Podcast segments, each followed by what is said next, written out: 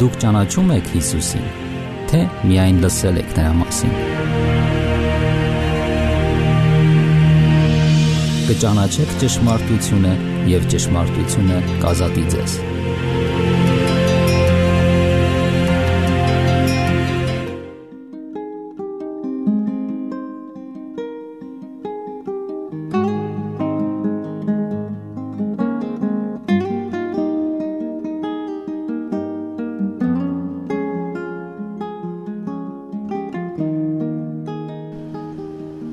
Բարև ձեզ սիրելի ռադիո լսողներ։ Եթերում ղողանջ հավերժության հաղորդաշարն է։ Աստվածաշունչը երբեք չսպառվող հոգևոր ջրվեժ է որ հագեցրել է, հագեցնում է եւ կհագեցնի միլիոնավոր մարդկանց հոգեվոր կարիքները մինչև դարերի վաղճանը։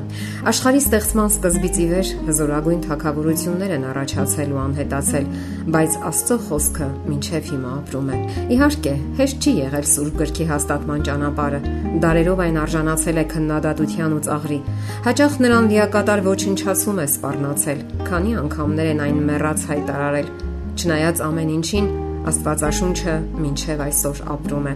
Օգոստոս կայսեր գրվածքները, ում թակավորության օրոք ծնվեց Քրիստոսը, բոլորը կորել են։ Իսկ ավետարաններն ու Պողոսի նամակները, որոնք եթե գտնեին մարդկանց մոտ մահապատժի կենթարկեին, մինչև այսօր էլ պահպանվել են եւ տարածվում են միլիոնավոր տպականակով ոչ արյունարվու Ներոնը, ոչ դաժան Դեցիոսը չեն կարողացել կասեցնել Աստծո խոսքի տարածումը։ Մութ միջնադարում քրիստոնեական տիեզերաժողովների կողմից արգելված էր Աստվածաշնչի ընթերցումը, եւ դա եւս չկարողացավ զսպել Աստծո խոսքի տարածմանը։ Լույսը խավարում լույս է տալիս։ Այս նշանաբանով էին Վալդենսները տարածում Աստվածաշնչյան ճշմարտությունները։ Լուսավորության դարաշրջանում բռնի ուժին օգնելու եկավ Աստվածաշնչի քննադատությունն ու ծաղրը։ Վոլտերը ողջացավ, որ միայնակ կոչնչացնի քրիստոնեությունը, որը իր կարծիքով դատապարտված է հավիտենական կորստի։ Վոլտերը վաղուց մահացած է։ Նրա ստեղծագործություններն էլ առանձնապես massայականություն չեն գրավում, իսկ Աստվածաշունչը միայն 1980 թվականին տարածվել է 500 միլիոն տպականակով։ Ճակատագրի հեգնանքով Աստվածաշնչյան ընկերության խանութը տեղադրված է հենց այն տան մեջ, որտեղ ապրել է Վոլտերը, Աստվածաշունչը կործանման դատապարտողը։ Աստծո խոսքը հավիտենական է։ Այն ստեղծված է հավիտենական հեղինակի կողմից եւ պահպանվել է հատուկ նպատակի համար։ Այն փրկության ավետարան է, որ Աստծո խոսքը Աստվածային ցակում ունի, դրա վկայությունը նրա վերափոխիչ ուժն է։ Ուժ,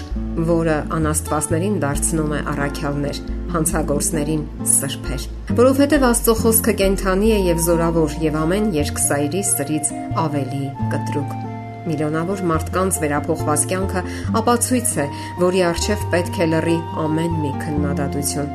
Քրիստոնեությունը ամենահիանալի եւ բարոյական ուսմունքն է, որ երբևէ ընդունել է մարդկությունը։ Մեզանից յուրաքանչյուրը այդ ուսմունքին է պարտական այն բոլոր լավի համար, ինչը կա մեր մարդկանցս մեջ։ Դեռ չի գերազանցվել քրիստոնեության գագաթնակետը, Քրիստոսի լեռան քարոզը։ Հիսուսի ոսկե կանոնը եզակի է ու միակը մարդկության պատմության մեջ Ինչպես ուզում եք, որ մարդիկ ձեզ հետ վարվեն, այդպես էլ դուք վարվեք նրանց հետ։ Ավետարանում ոչ միայն խոսվում է բարության մասին, այլև արվում է բարություն։ Քրիստոսի խոսքը տեսություն չէ, այն կյանք է եւ գործողություն։ Ի տարբերություն աշխարհի մյուս կրոնների, քրիստոնեությունը դինամիկ է,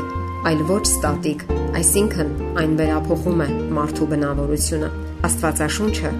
շատ ու շատ գեղարվեստական ու պատմական գրքերի նման միայն չի նկարագրում ու մեկնաբանում աշխարհը։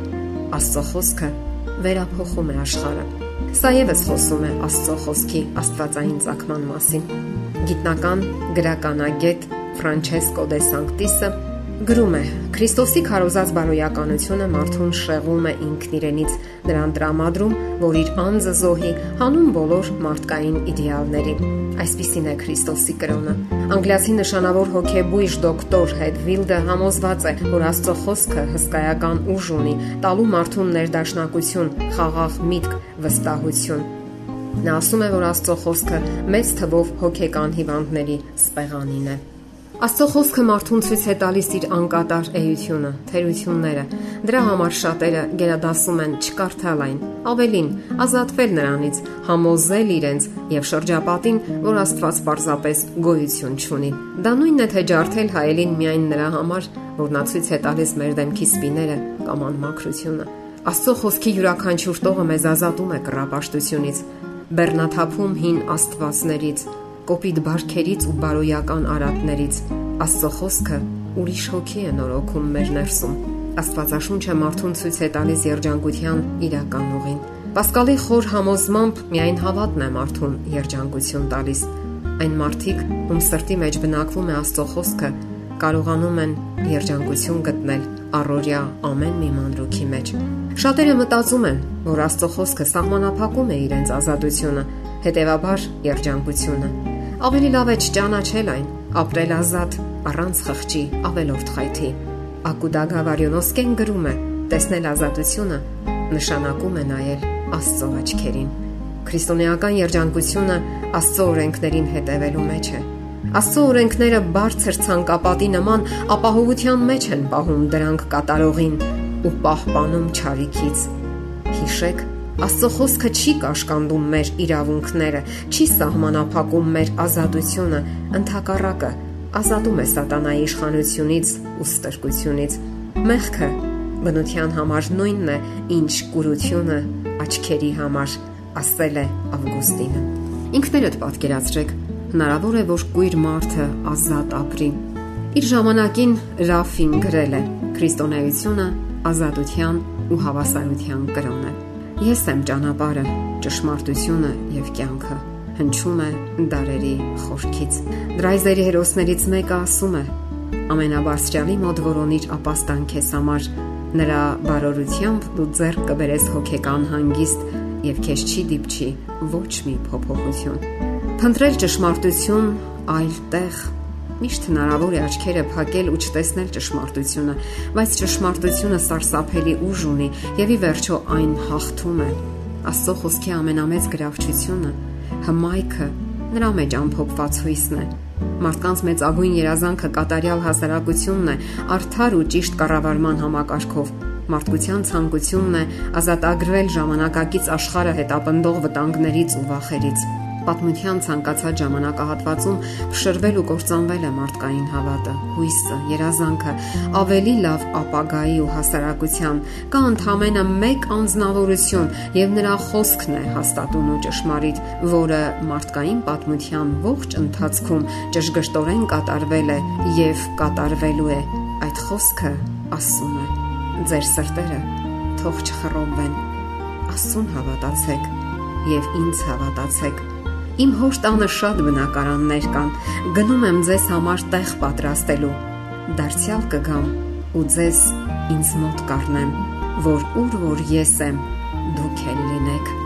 Բիլլի Գրեմը գրում է. Բնույթով ես լավատես եմ, որովհետև կարդացել եմ Աստվածաշնչի վերջին էջը։ Իսկ այն մեզ վստահեցնում է, որ Քրիստոսը անպայման գալու է այս երկիր եւ հաստատելու է իր թակավորությունը։ Ահա ես շուտով գալիս եմ եւ իմ վարձքը ինձ հետ, որ ամեն մեկին կհատուցեմ, ինչպես իր գործը կլինի։ Երանելի են նրա պատվիրանքները պահողները, որ նրանցը կլինի իշխանությունը կյանքի ծառի վրա եւ քաղաքի դռնով ներս կմտնեն։ Սիրելի ռադիո լսողներ, եթերում ղողանջ հավերժության հաղորդաշարներ։ Ձեզ հետ գեղեցիկ Մարտիրոսյաններ։